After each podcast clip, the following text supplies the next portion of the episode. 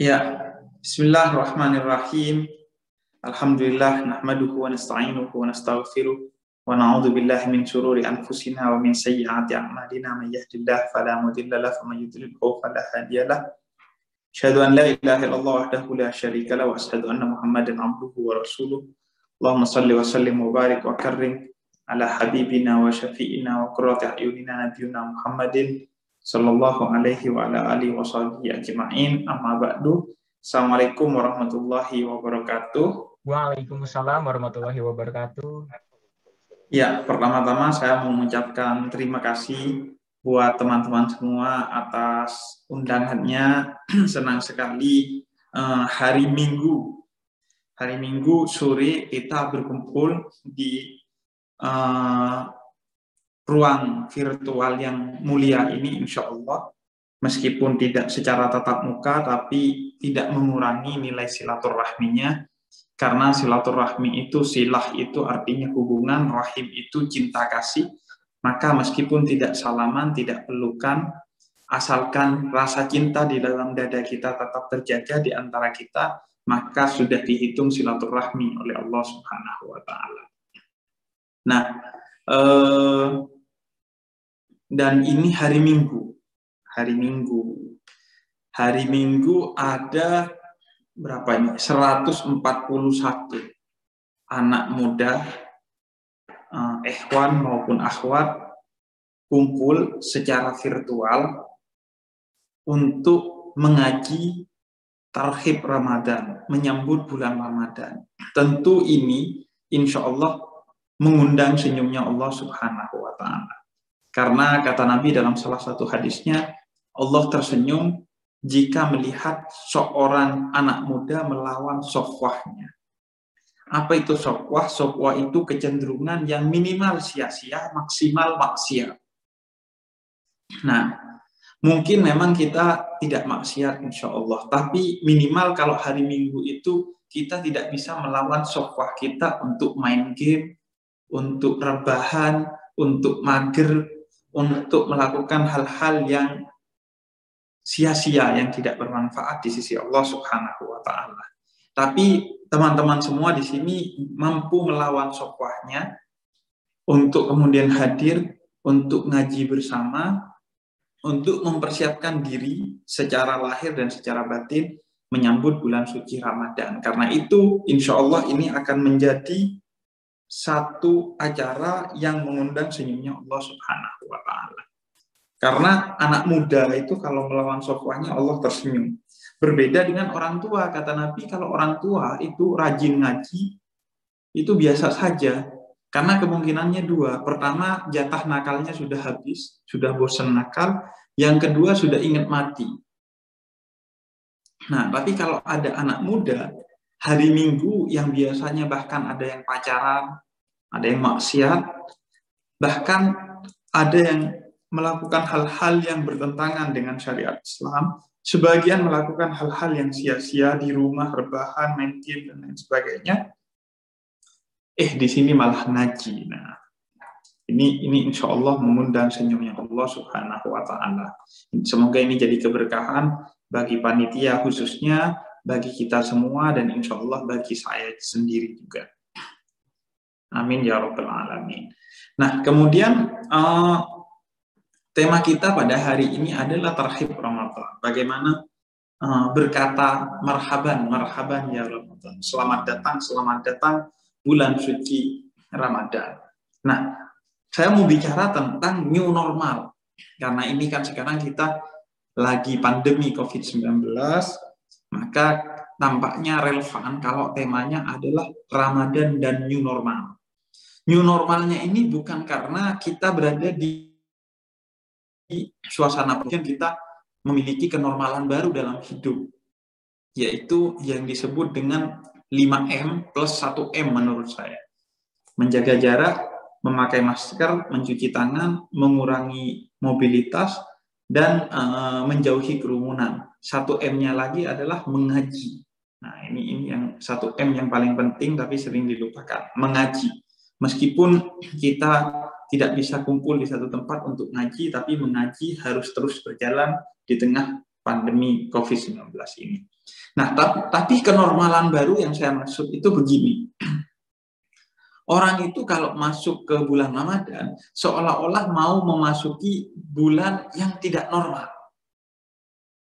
Kehidupan seolah-olah menjadi tidak normal. Dan biasanya setelah Ramadan mereka kembali ke tempat kuliah, kembali ke sekolah, kembali ke kantor, biasanya eh, orang-orang akan mengatakan alhamdulillah kehidupan kita kembali normal. Ini sesuatu yang salah. Karena kehidupan yang normal itu justru adalah kehidupan kita di bulan Ramadan nanti. Karena itu Ramadan harus menjadi new normal.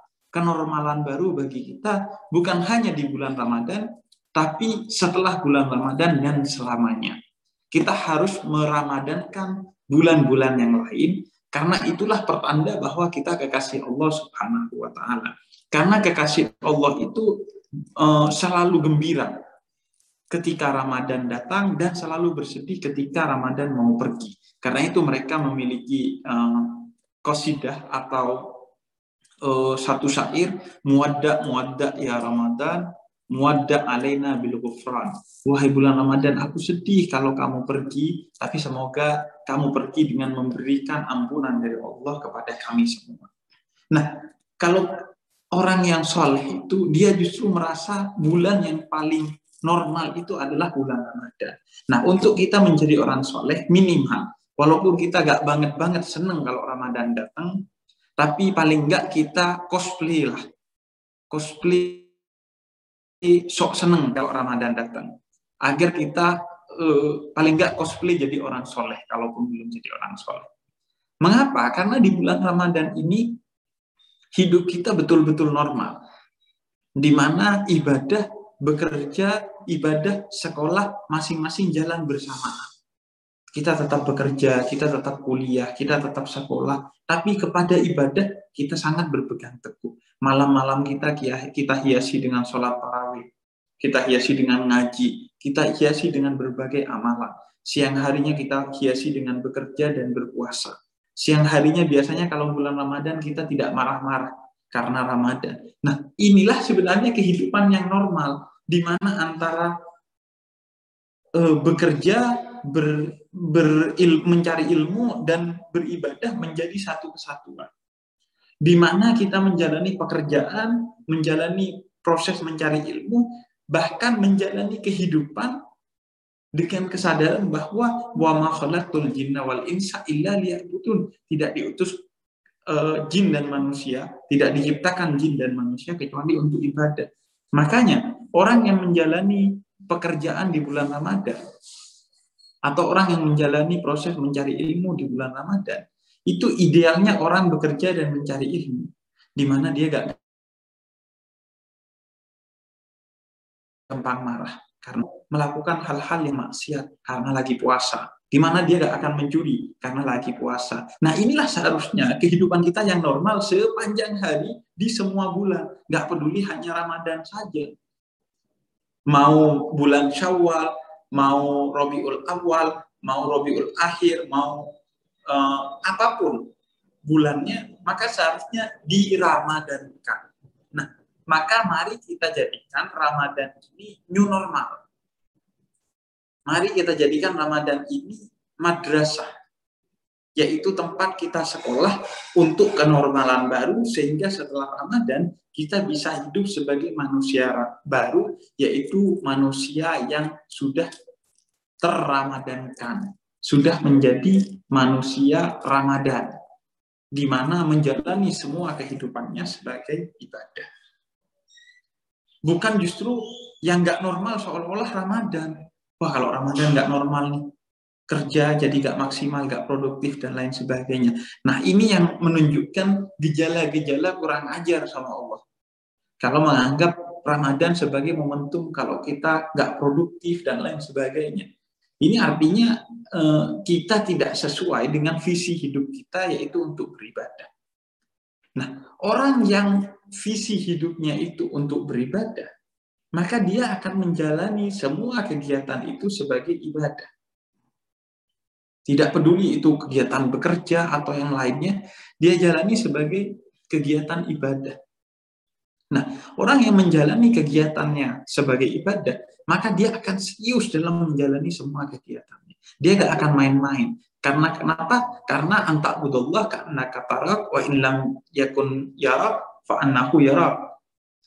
Wa in lam takun tarak fa annahu yarak. Uh, dia akan menjalani semua pekerjaan mencari ilmu dengan kesadaran bahwa kalau kita tidak melihat Allah, minimal Allah melihat kita. Sehingga dia akan bekerja dengan efektif dengan disiplin dengan produktif dan jauh-jauh dari kata mencuri. Begitu juga dalam menuntut ilmu. Kalau ujian dia gak akan nyontek dia akan dengan baik menuntut ilmu. Karena apa? Karena dia tahu kalaupun CCTV kampus rusak kalaupun CCTV kantor rusak CCTV-nya Allah gak pernah rusak. Sehingga dia merasa bertanggung jawab kepada Allah Subhanahu wa taala. Nah, orang yang bertanggung jawab kepada Allah itulah orang yang sebenar-benarnya diinginkan oleh Allah Subhanahu wa taala. Karena kita ini dalam menjalani hidup dan peribadatan masih merasa ketika beribadah dan hidup ini urusannya masih sama manusia. Sehingga misalnya kita gak mau memaafkan kesalahan orang lain kalau orang lain belum minta maaf.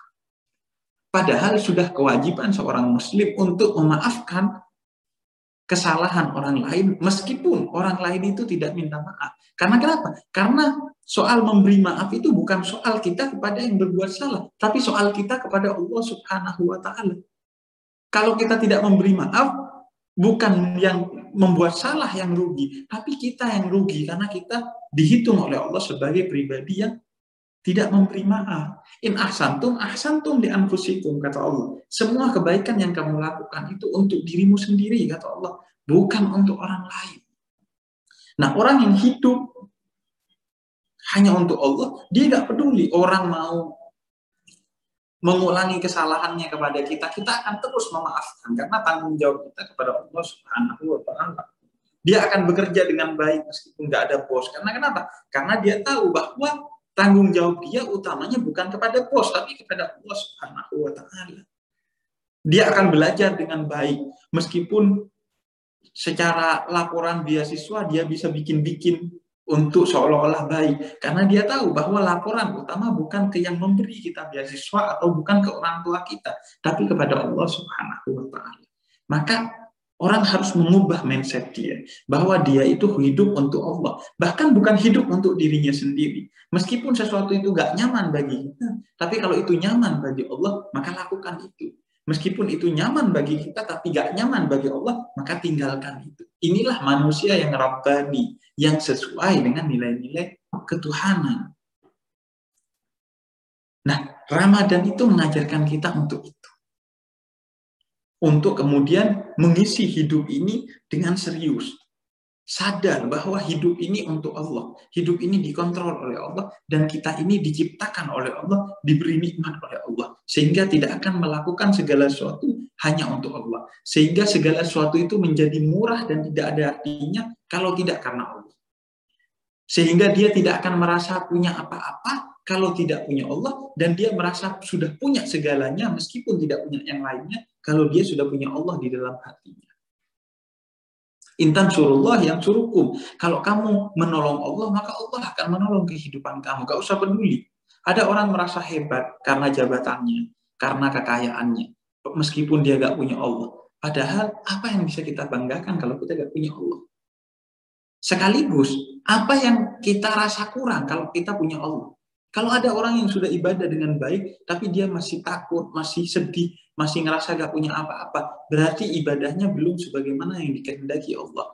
Karena orang yang beribadah sebaik-baiknya kepada Allah, dia tidak pernah takut dan tidak pernah sedih. La yakhaf wa la yahzan Allah ma'ahu. Tidak pernah sedih dan tidak pernah takut karena Allah bersama dia. Innama yakhshallah min ibadihil ulama ulama itu orang yang takutnya hanya kepada Allah Subhanahu wa taala, tidak kepada selain Allah. Karena takut kepada Allah itu takut yang baik, bukan takut yang negatif. Kalau kita takut kepada macan, maka kita akan cenderung lari dari macan. Kalau kita takut kepada dosen kita, dosen yang killer misalnya, kita akan cenderung menjauhi dosen killer itu. Dia ngajar apa, kita nggak masuk ke kelasnya dia, kita cari kelas lain. Itu kalau takut ke selain Allah. Tapi kalau takut kepada Allah, itu beda. Kalau kita takut kepada Allah, kita pasti harus mendekati Allah. Karena mau lari dari mana? Mau lari ke mana? Sedangkan semua ini adalah kekuasaannya Allah.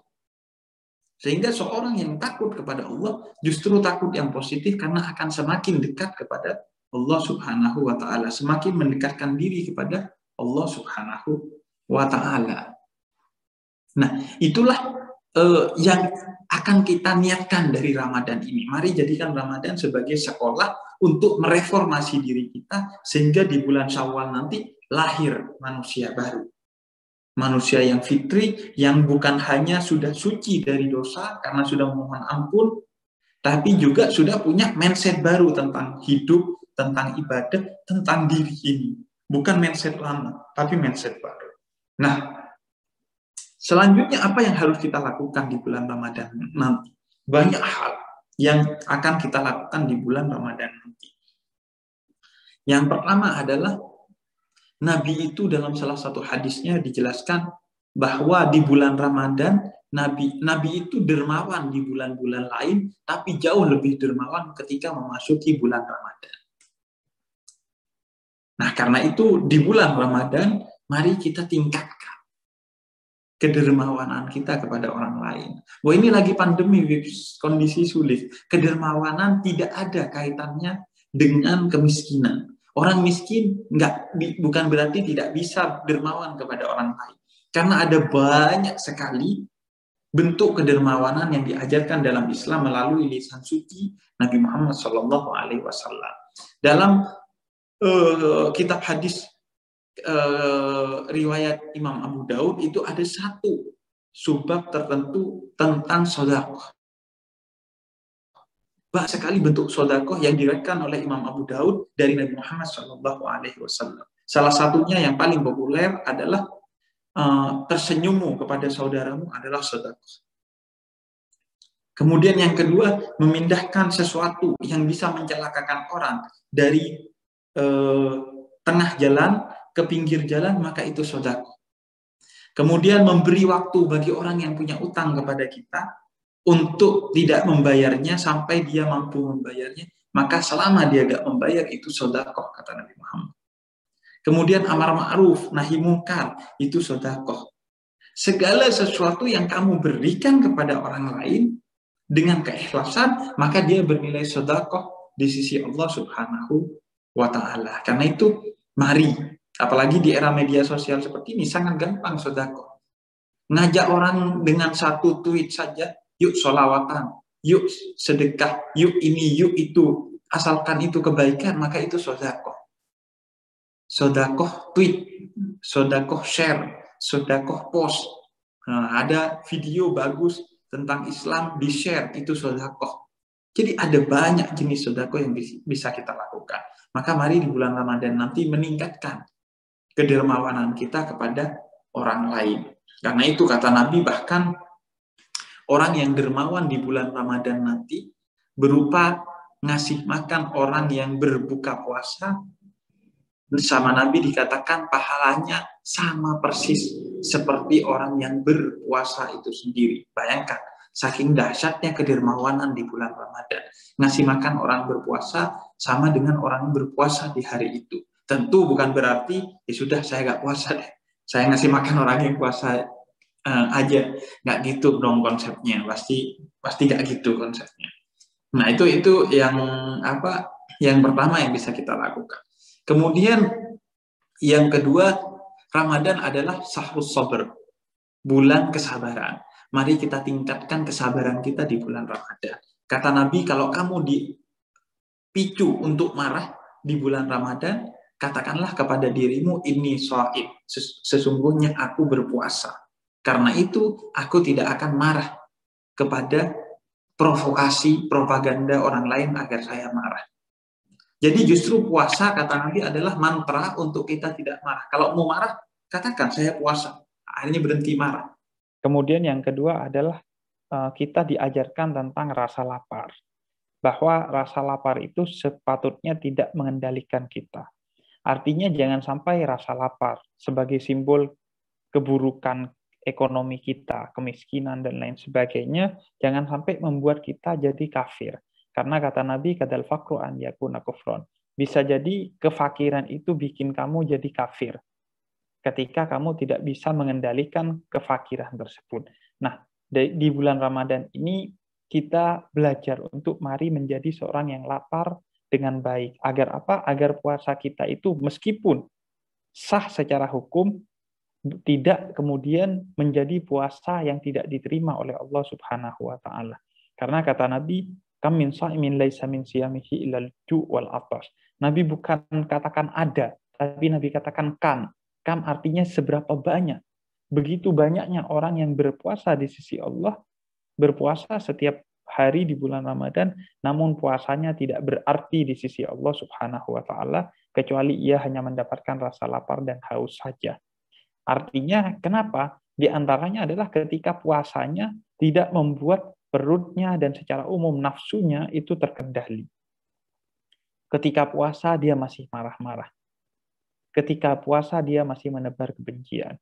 Ketika puasa dia masih memprovokasi dan lain sebagainya. Karena itu eh, Nabi pernah marah kepada seorang perempuan yang ketika dia berpuasa, dia marah-marah secara berlebihan kepada budaknya, sampai memaki budaknya. Kemudian kata Nabi, sudah, sudah, nggak ada artinya puasa kamu di sisi Allah kalau dibarengi dengan rasa marah itu sendiri.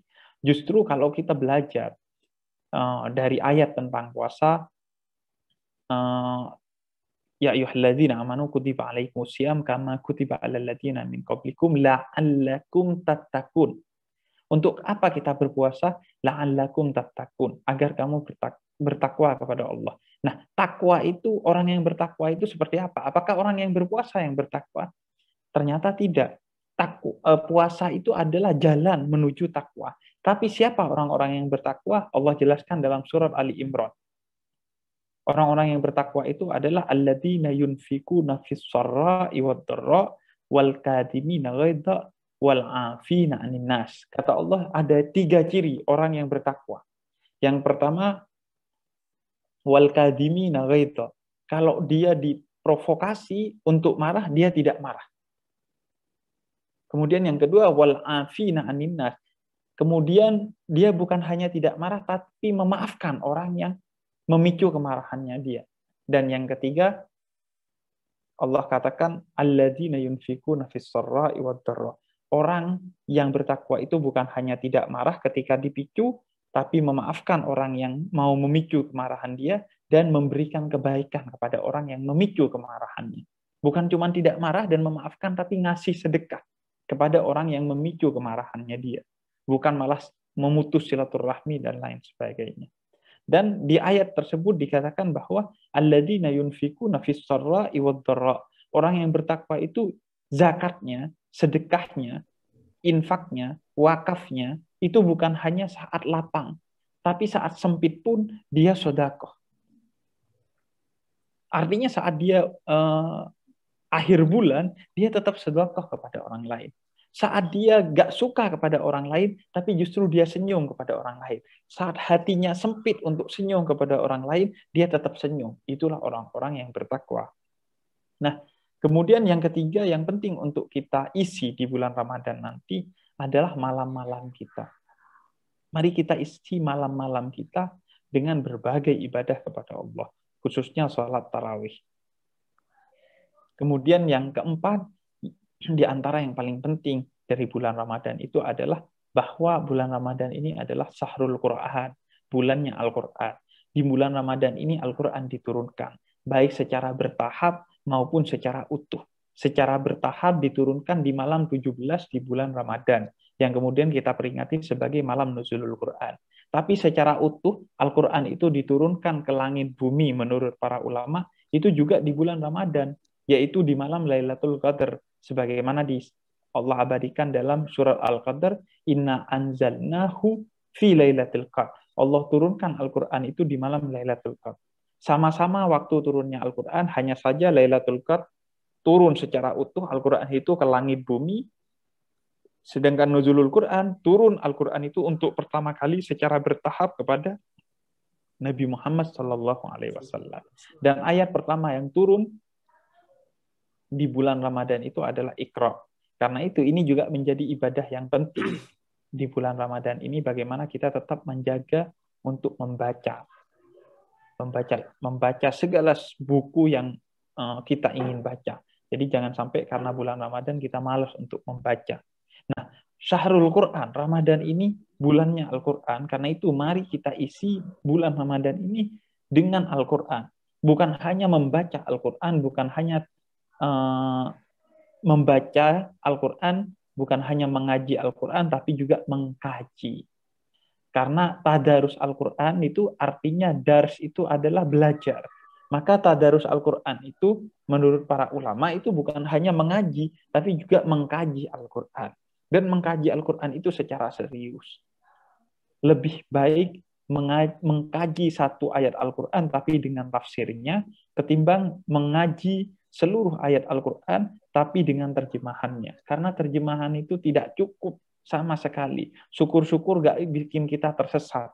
Karena Al-Quran ini maha luas maknanya, gak bisa dikapsulkan dengan hanya terjemahan. Maka saya sarankan satu ayat saja sehari, tapi baca dengan tafsirnya agar kita mendapatkan pemahaman dari Al-Quran itu sendiri. Bukan hanya mendapatkan pahala dari membacanya. Karena Al-Quran itu adalah hudan linnas, petunjuk. Bukan hanya bacaan.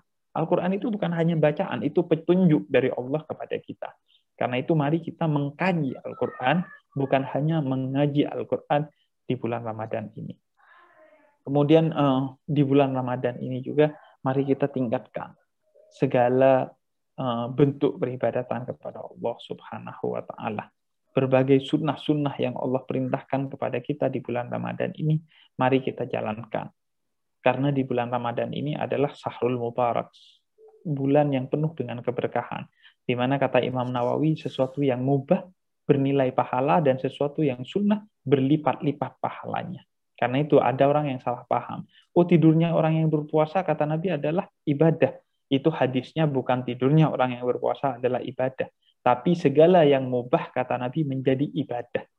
Tidur sesuatu yang mubah, itu menjadi ibadah. Tapi kalau tidur dari pagi sampai maghrib, itu bukan ibadah. Itu Anda cosplay orang pingsan. Nah, itu itu itu itu cosplay pingsan. Jadi eh, apa eh, tidak diperkenankan. Kemudian yang terpenting juga, mari kita pastikan puasa kita itu tidak batal. Tentu kita insya Allah tidak akan batal secara eh, dengan makan dan minum. Insya Allah kita gak akan makan dan minum. Tapi ketahuilah bahwa hal-hal yang membatalkan puasa itu bukan hanya makan dan minum, bukan hanya menahan nafsu, tapi banyak hal-hal yang mungkin kita tidak tahu, padahal itu membatalkan puasa. Karena itu mari ngaji sebelum Ramadan, hal-hal yang membatalkan puasa itu apa saja. Misalnya, berenang. Menurut para ulama, berenang itu paling mentok hukumnya makruh, tapi banyak yang mengharamkannya. Karena berenang itu akan sulit orang tidak batal puasanya karena berenang. Sehingga disarankan oleh para ulama untuk ditinggalkan, bahkan sebagian ulama mewajibkan untuk meninggalkan eh, berenang. Karena kenapa? Gak kira ketelan kok dari mulut. Iya, tapi kan bisa dari telinga, bisa dari hidung, bisa dari lubang belakang dan lain sebagainya. Kemudian muntah nih, muntah dengan sengaja membatalkan puasa. Tapi kalau nggak sengaja itu tidak membatalkan puasa. Tapi ingat, ada orang yang salah. Ketika dia sudah muntah, kemudian dia tidak sucikan lagi mulutnya dengan air. Nah, ketika bekas-bekasnya itu ketelan, maka itu batal. Meskipun muntahnya nggak sengaja.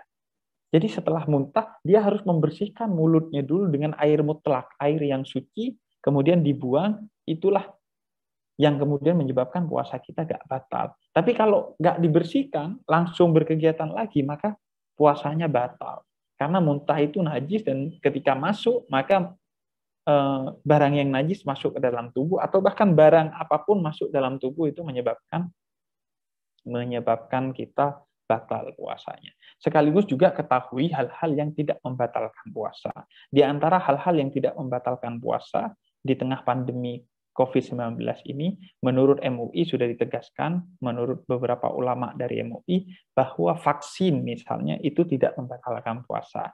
Jadi teman-teman yang mendapatkan jatah vaksin ataupun keluarganya yang dapat jatah vaksin, eh, eh, berdasarkan pendapat dari ulama-ulama MUI dan eh, beberapa ulama di Indonesia bahwa vaksin itu tidak membatalkan puasa. Jadi boleh tetap vaksin di siang hari.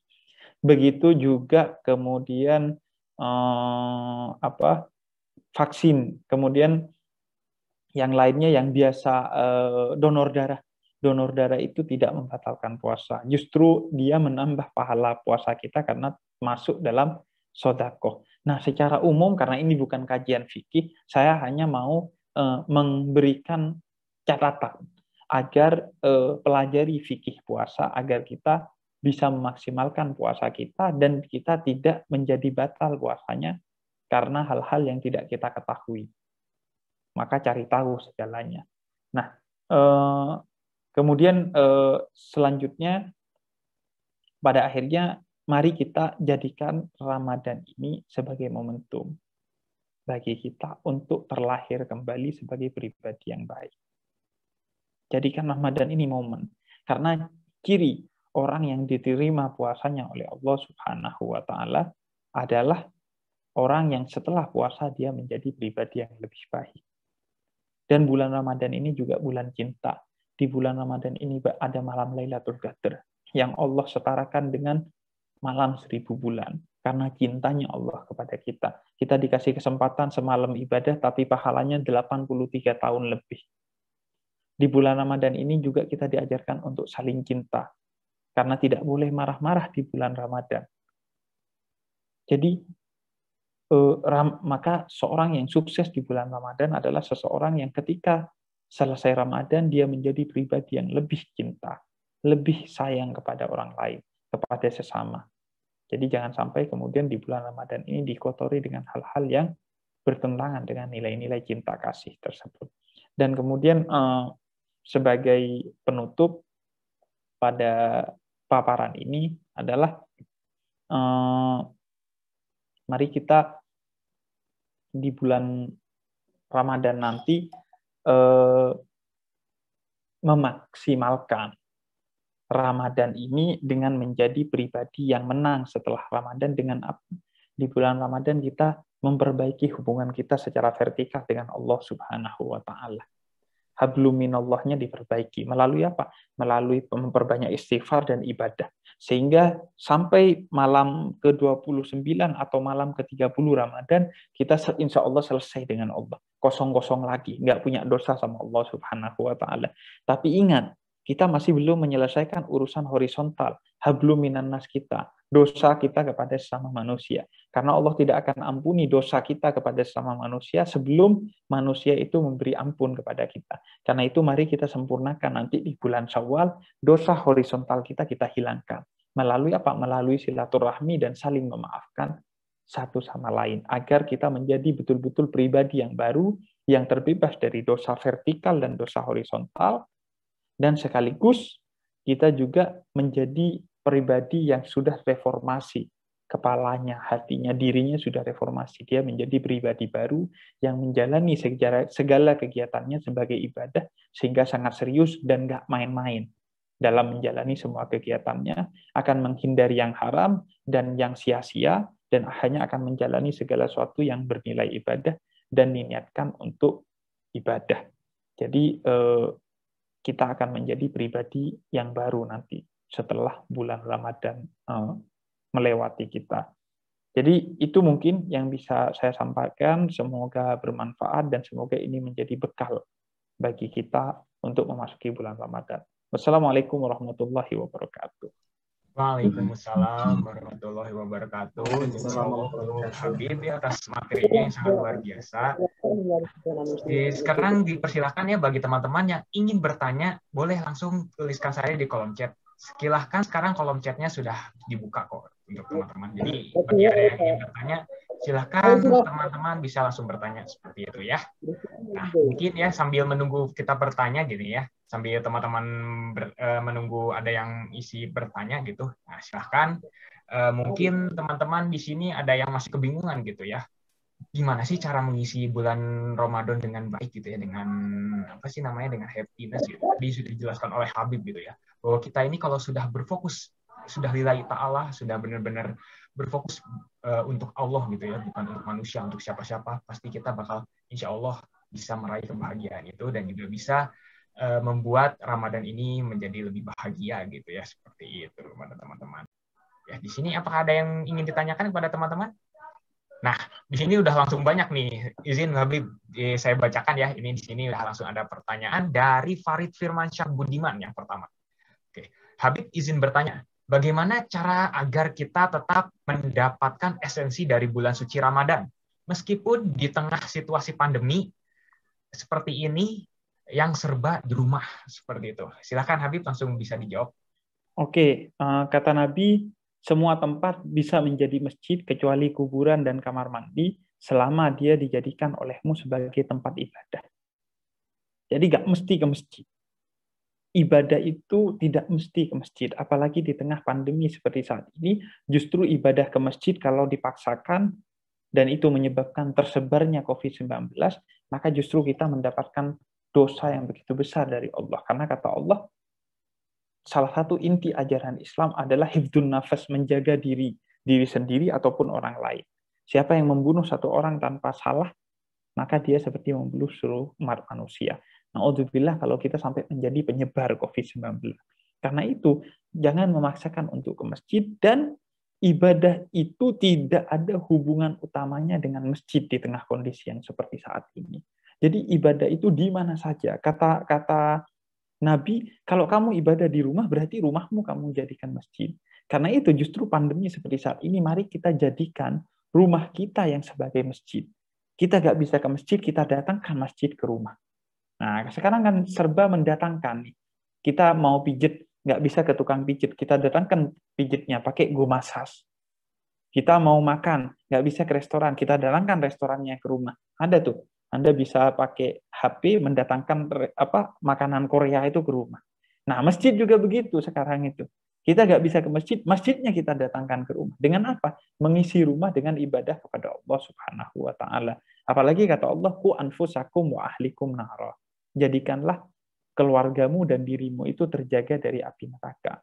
Justru ini kesempatan bagi kita untuk beribadah di rumah, mengatur diri dan keluarga mengatur diri dan keluarga, memastikan diri dan keluarga untuk jauh dari api neraka. Karena naudzubillah kalau kita sukses menjadi pribadi di luar rumah berdakwah ke mana-mana tapi keluarga kita tidak terurus imannya. Naudzubillah min dali.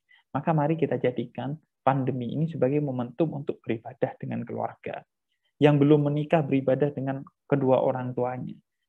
Karena ketika kedua orang tua itu sudah gak ada, baru kita akan sedih baru kita akan rindu, baru kita akan merasakan begitu dahsyatnya posisi orang tua.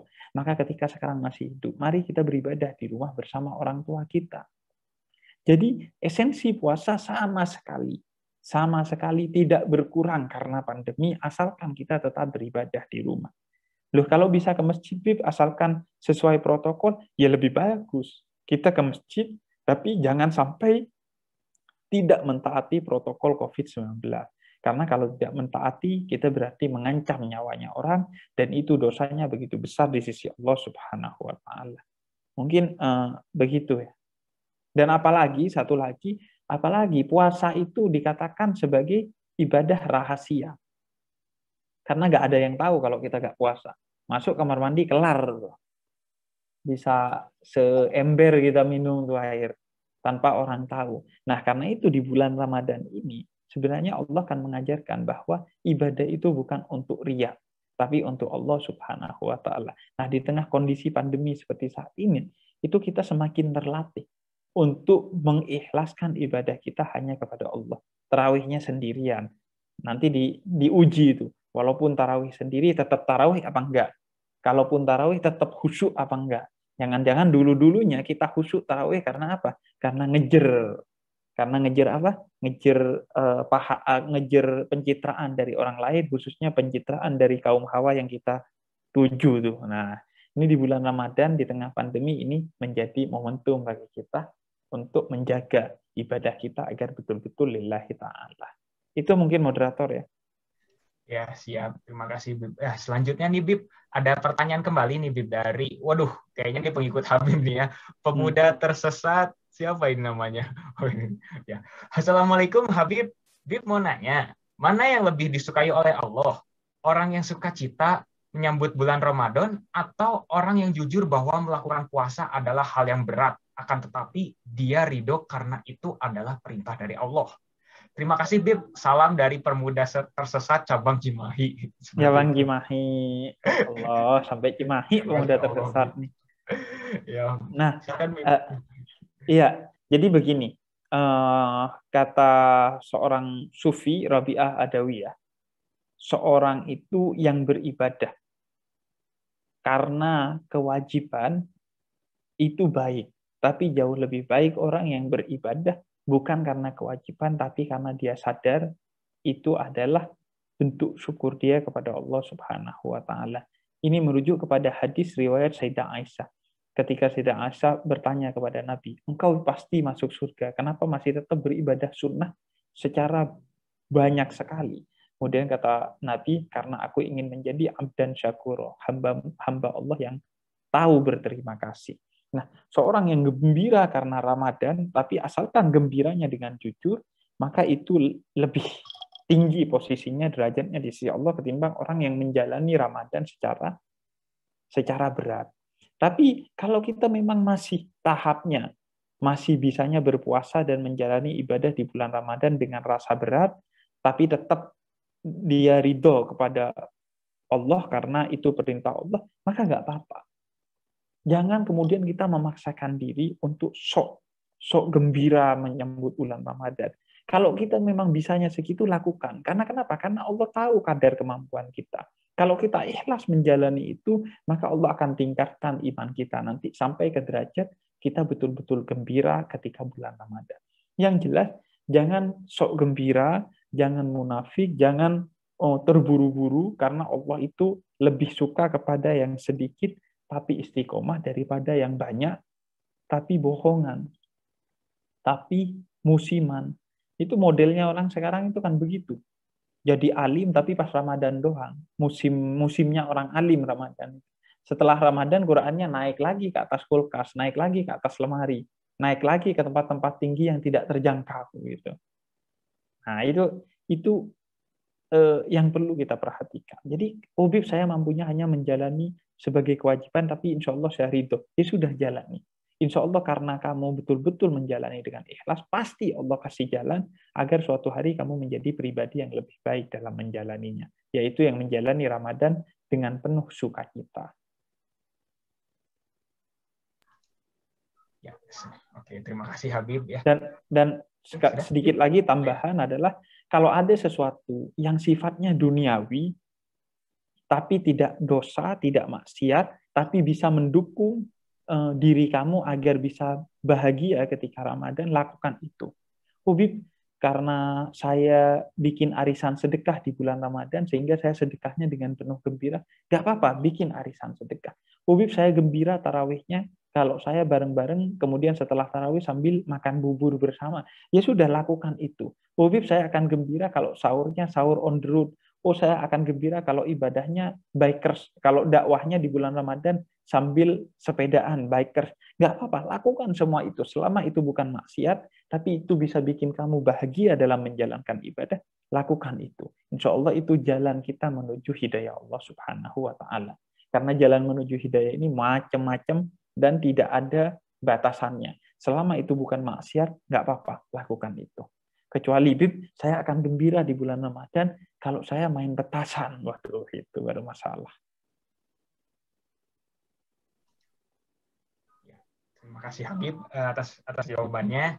Nah ini sangat banyak sekali nih ya Habib ya pertanyaannya mungkin kita saring gitu ya yang okay. ininya yang lebih nyambung gitu seperti itu. Ya izin ini ada dari Galih Triadi Nugroho.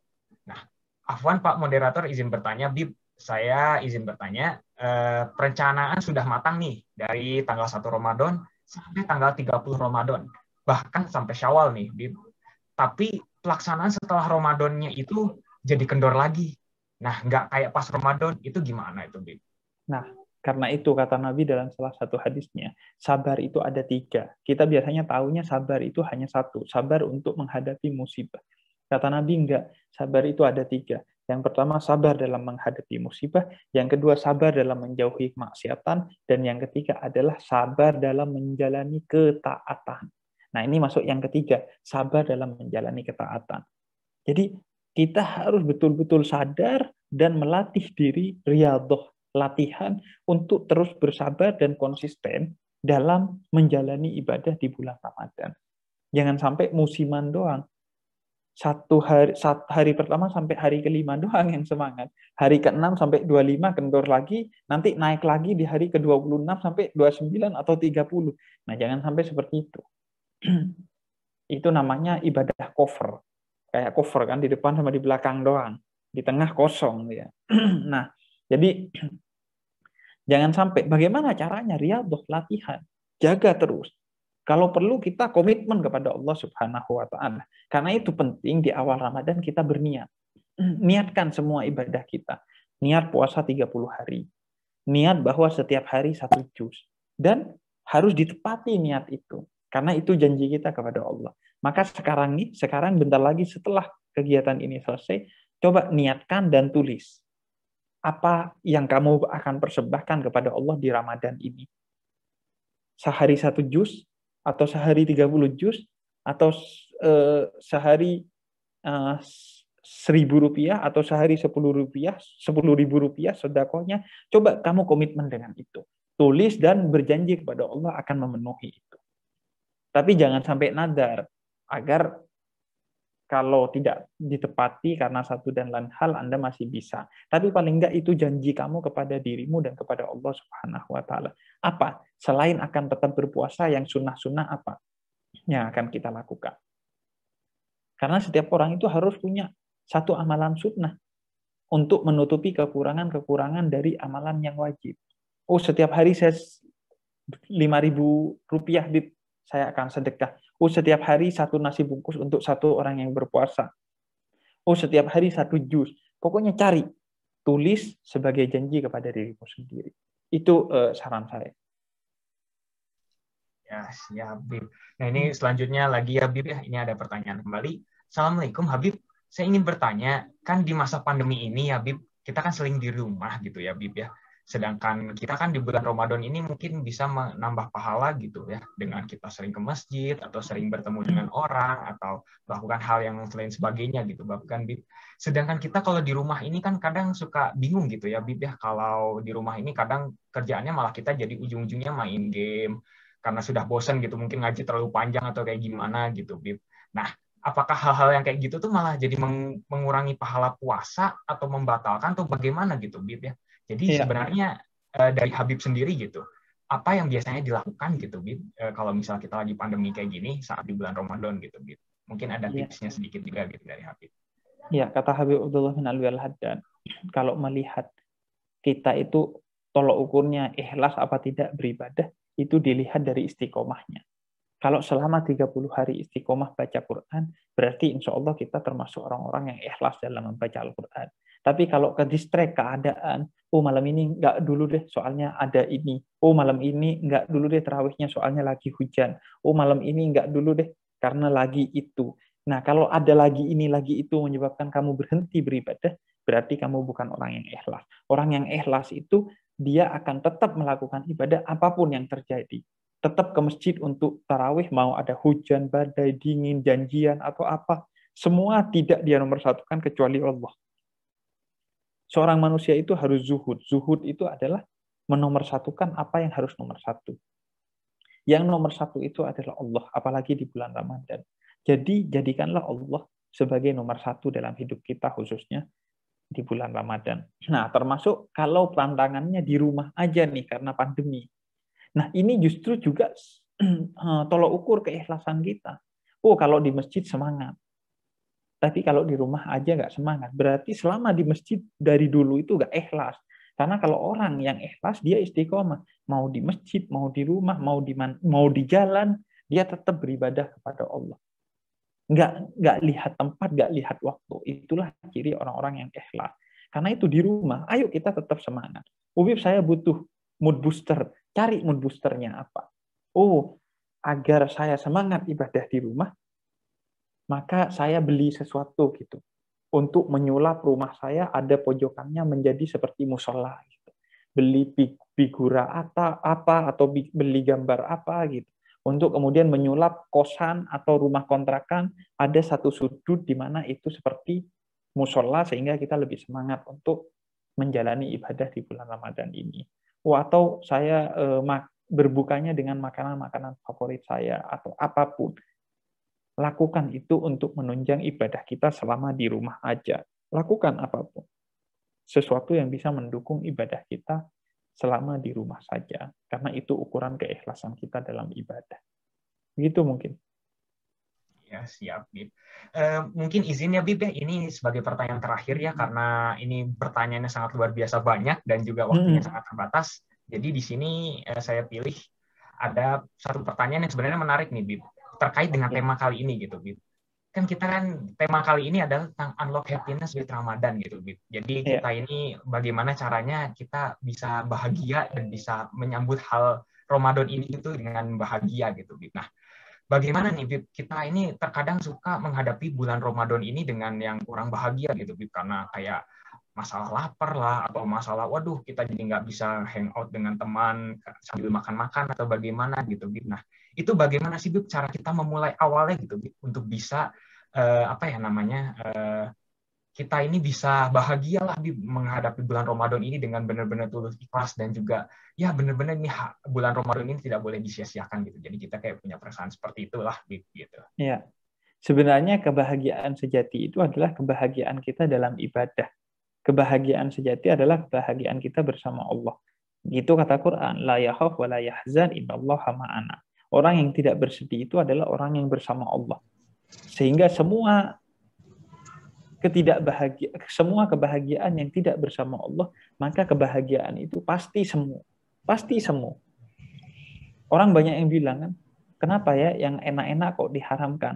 Bukan enak-enak sebenarnya itu, hanya karena pandangan kita itu sekuler, kita hanya memandang seolah kehidupan hanya dunia, padahal dunia ini sementara, dunia ini tempat meninggal bukan tempat tinggal, maka seolah-olah yang enak-enak diharamkan. Padahal yang enak aslinya itu sholat, karena dengan sholat kita akan bahagia di akhirat kelak. Dan akhirat itu jauh lebih abadi, jauh lebih segala-galanya ketimbang dunia. Kita nganggap maksiat itu enak karena pola pandang kita masih sekuler. Seolah-olah hidup itu hanya di dunia. Karena itu kata Allah, imani kiamat itu. Karena karena itu Allah katakan dalam Al-Qur'an dalam banyak sekali ayat bahwa man amana billah wal yaumil akhir. Wa kada wa kada wa kada. Kan biasanya seperti itu. Siapa yang beriman kepada Allah dan hari akhir. Kenapa? Karena siapa yang beriman kepada hari akhir, dia akan tahu bahwa ibadah itu sebenarnya nikmat. Karena itu orang-orang soleh itu selalu rindu beribadah. Karena ketika ibadah dia bertemu dengan Allah Subhanahu wa taala yang maha dicintainya dan maha indah serta maha segala-galanya. Di bulan Ramadan ini kita harus memiliki melatih diri untuk bahagia karena Allah. Nah, bagaimana caranya? Yang tadi saya katakan. Pertama adalah cari hal-hal yang bisa mendorong mood booster kita untuk ibadah. Berbagai cara apa pun, selama bukan maksiat gak apa-apa. Karena dalam hal uh, yang rumah tuh, yang tidak uh, berkaitan dengan ibadah-ibadah utama, maka boleh melakukan segala sesuatu asalkan maksiat untuk mendorong agar kita lebih semangat dalam ibadah. Kemudian yang kedua, gali makna dari ibadah kita agar kita enjoy bahagia ketika menjalani ibadah itu. Sholat kalau sekedar gerak-gerak doang ya gak kira bahagia lah karena gak tahu maknanya. Tapi kalau tahu maknanya, Anda akan bahagia. Apa sih makna sholat? Coba baca buku, dengarkan ceramah-ceramah tentang makna sholat itu apa. Kandungan bacaan dalam sholat itu apa. Maka kita akan bahagia dalam sholat. Kalau cuma gerak-gerak doang, itu bagi saya bukan sholat. Itu yoga bersyariah itu. Jadi jadi gali maknanya agar kita kemudian eh, apa menemukan kebahagiaan dalam ibadah-ibadah kita. Dan kemudian uh, yang terakhir, ketahuilah bahwa kita itu diciptakan untuk beribadah. Sehingga kalau kita benar-benar mau bahagia dalam hidup, itu pasti ibadah. Yakini bahwa dengan ibadah hidup kita akan bahagia, karena urusan-urusan kita akan diurus sama Allah. Karena kita mencintai Allah, sehingga Allah akan cintai kita, dan orang yang dicintai Allah, maka dia pasti bahagia. Kok bisa? Ya pasti, karena Allah yang maha segala-galanya. Tapi bagaimana Allah membahagiakan kita? Tenang aja, kalau sudah Allah yang membahagiakan kita, Allah yang paling tahu caranya. Tiba-tiba dapat jodoh aja setelah Ramadan. Tiba-tiba dapat kerjaan aja setelah Ramadan. Tiba-tiba ini dan itu. Percaya deh. Coba Anda serius dalam Ramadan tahun ini. Yang belum punya jodoh, insya Allah Allah pertemukan dengan jodohnya. Yang masih punya utang, insya Allah Allah bayarkan utangnya. Yang masih punya cita-cita ini dan itu, insya Allah Allah tunaikan cita-citanya. Coba deh, bikin senang Allah di Ramadan ini. Coba janji kepada diri dan lakukan di bulan Ramadan ini, saya mau bikin senang Allah. Setelah Ramadan buktikan bahwa Anda akan dibikin senang sama Allah Subhanahu wa taala min haitsu la dari tempat yang tidak Anda kira-kira. Dengan cara yang tidak Anda kira-kira. Coba deh. Janji sama Allah. Tahun ini ibadah yang kencang, mau bahagiain Allah.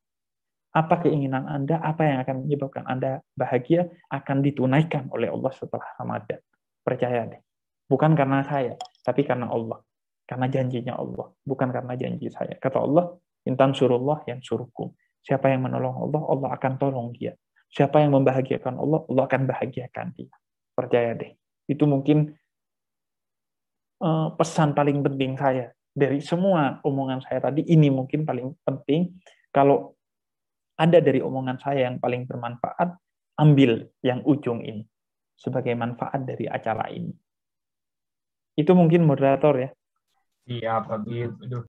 Iya, seperti itu, Bib. Terima kasih Bib atas materinya yang sangat luar biasa gitu ya Bib ya. Semoga ini bisa menjadi amal jariah bagi Habib juga dan Amin. semoga bagi kita semoga materinya bisa melekat kepada diri kita dan kita bisa mengamalkannya gitu ya dan juga Amin. bisa menyebarkannya kembali kepada orang lain seperti itu Bib. Ya jazakallah khair untuk Habib atas materinya. Terima kasih banyak karena ini sudah berakhir ya semoga ini bisa menjadi pertemuan kita yang sangat luar biasa lah ya Bib menambah yeah. materi menambah ilmu gitu seperti itu ya Bib mungkin ada yang ingin disampaikan dulu Bib uh, sebelum kita akhiri juga gitu Bib closing statement lah Bib seperti itu iya iya uh, Ramadan ini adalah bulan yang penuh berkahan kata Allah pintu surga dibuka lebar-lebar pintu neraka ditutup rapat-rapat dan setan diikat erat-erat itu kata Allah melalui lisan Nabi Muhammad SAW.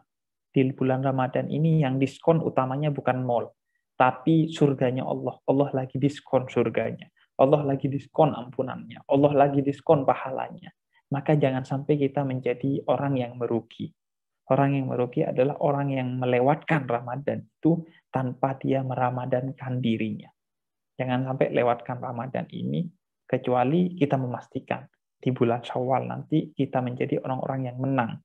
Menang sebenar-benarnya menang, yaitu orang-orang yang menjalani Ramadan dengan penuh keberkahan, dengan penuh kehusuan, dan dengan penuh ibadah-ibadah. Itu mungkin ya sebagai penutup dan eh, semoga kita semua mendapatkan keberkahan dari bulan Ramadan. Semoga kita semua diberikan kemampuan, diberikan kesehatan, diberikan keluasan hati dan pikiran oleh Allah untuk mengisi bulan Ramadan ini dengan segala kebaikan sehingga kita menjadi orang-orang yang beruntung dan semoga setelah Ramadan siapa yang meramadankan dirinya akan Allah bahagiakan hidupnya. Yang belum punya jodoh Allah kasih jodoh. Yang punya utang Allah bayarkan utangnya. Yang punya cita-cita Allah tunaikan cita-citanya. Amin ya rabbal alamin. Terima kasih Habib atas closing statement-nya. Kepada teman-teman, ingat ya bahwa bulan Ramadan ini adalah bulan untuk melatih kita dan juga untuk yang patutnya harus kita sambut dengan eh, bahagia gitu ya. Jadi buktikanlah bahwa Ramadan ini adalah hasil latihan untuk membuktikan bahwa di bulan Syawal nanti teman-teman bisa menjadi lebih baik lagi. Ingatkan semua karena Allah Subhanahu wa taala niatkan bahwa semua ini memang dari Allah dan untuk Allah Subhanahu wa taala seperti itu.